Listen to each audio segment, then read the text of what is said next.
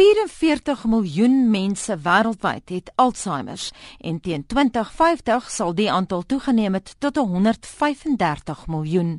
Boonop kos demensie die wêreld 'n stewige 600 miljard Amerikaanse dollar. Daarom werk wetenskaplikes teen tyd om beter medikasie vir die behandeling daarvan te ontwikkel, maar om dit te doen, moet mens die koppeling tussen neurokognitiewe inkorting, oftewel NKI, en Alzheimer kan bepaal. Die aanwesigheid van NKI mag tot Alzheimer lei, maar doen dit nie altyd nie. So sê die Oxford professor Simon Lovestone, wat saam met sy Britse kollegas 'n bloedtoets ontwikkel het wat met 'n akkuraatheid van 87% kan bepaal of jy Alzheimer sal kry of nie. Mild cognitive impairment is actually defined as more than 1.5 standard deviations beyond what is normal for a person of that age in that population. So it has a very specific definition. It's not possible for me to easily explain it because it's different in every individual. But doctors are able to say this person has got mild cognitive impairment. What they're not able to do is to say whether this person will go on to get dementia, especially whether they'll go on to get dementia in the next year or so. Die studie wat op 'n dekade se navorsing gebaseer is en wat meer as 1000 mense betrek het, het 10 proteïene in bloed geïdentifiseer wat aanwesig is by mense wat Alzheimer ontwikkel. Dit alles hou groot belofte in vir kliniese toetse. There's a very big problem in the field of Alzheimer's disease right now. The clinical trials of potential preventative drugs or treatments are failing and that costs about $100 million. So what we want to do is to invent a test that would allow us to do a clinical trial earlier in the disease process where it might have a chance of being successful. Tans word 99,6% van kliniese navorsing om nuwe medikasie te vind as onsuksesvol beskou en kos dit 100 miljoen Amerikaanse dollar. Dis dan ook een van die redes hoekom wetenskaplikes van dese week in Kopenhagen kopkrap op soek na antwoorde en Simon Lovestone se akademiese stywer in die Alzheimer beurs maak die lewe aansienlik makliker vir pasiënte wat wil weet of hulle Alzheimer sal kry. Tans is die opsies 'n positroon emissie tomografie skandering in die mediese omgangstaal bekend as 'n PET-scan of 'n breinvogtoets, maar nie een van die twee is ideaal nie.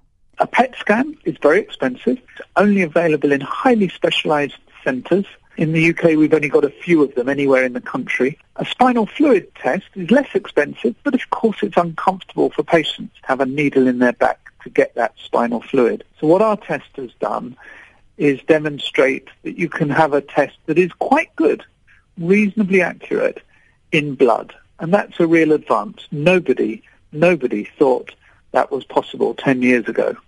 Professor Simon Lovestone van Oxford Universiteit sê egter die waarde van die proteïenbloedtoets is baie spesifiek. We're not proposing to use this test in ordinary doctors clinics right now, but hypothetically would anybody want to know? Well, I think the majority of people would probably not want to know as long as there is no treatment. But I can tell you that in doctors' surgeries all over the world, some people maybe not the majority, but some people come along and say, I have these memory problems.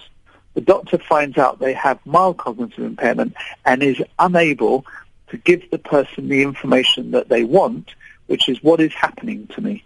Die vleiende nuus is ook dat professor Lovestone groot lof het vir Suid-Afrikaners se bydrae in die soektog na medikasie om Alzheimer en ander vorms van demensie hok te slaan. You have a very, very good centre in Cape Town in the Walter and Albertina Institute on Aging. I'm actually on the board of that.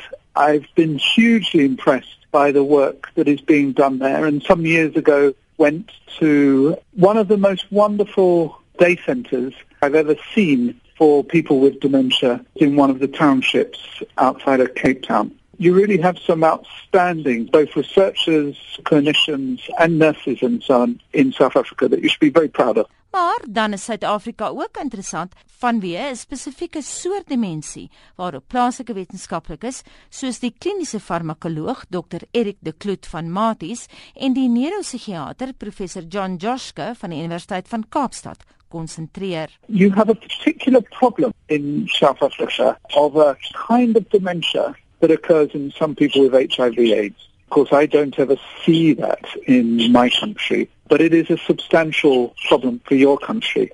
Dit alles kan net positief wees, maar getrou aan sy wetenskaplike aard en nering, het professor Simon Lovestone 'n punt daarvan gemaak om twee dinge te beklemtoon. First, that this is not an isolated study. It's built on 10 years of work that has got us to this point. We knew which proteins to look for before we started this particular study. So there's a lot of work behind this. And the second thing to say is once we get to this point where we have the 10 proteins, it now needs to be repeated and replicated in much larger data sets.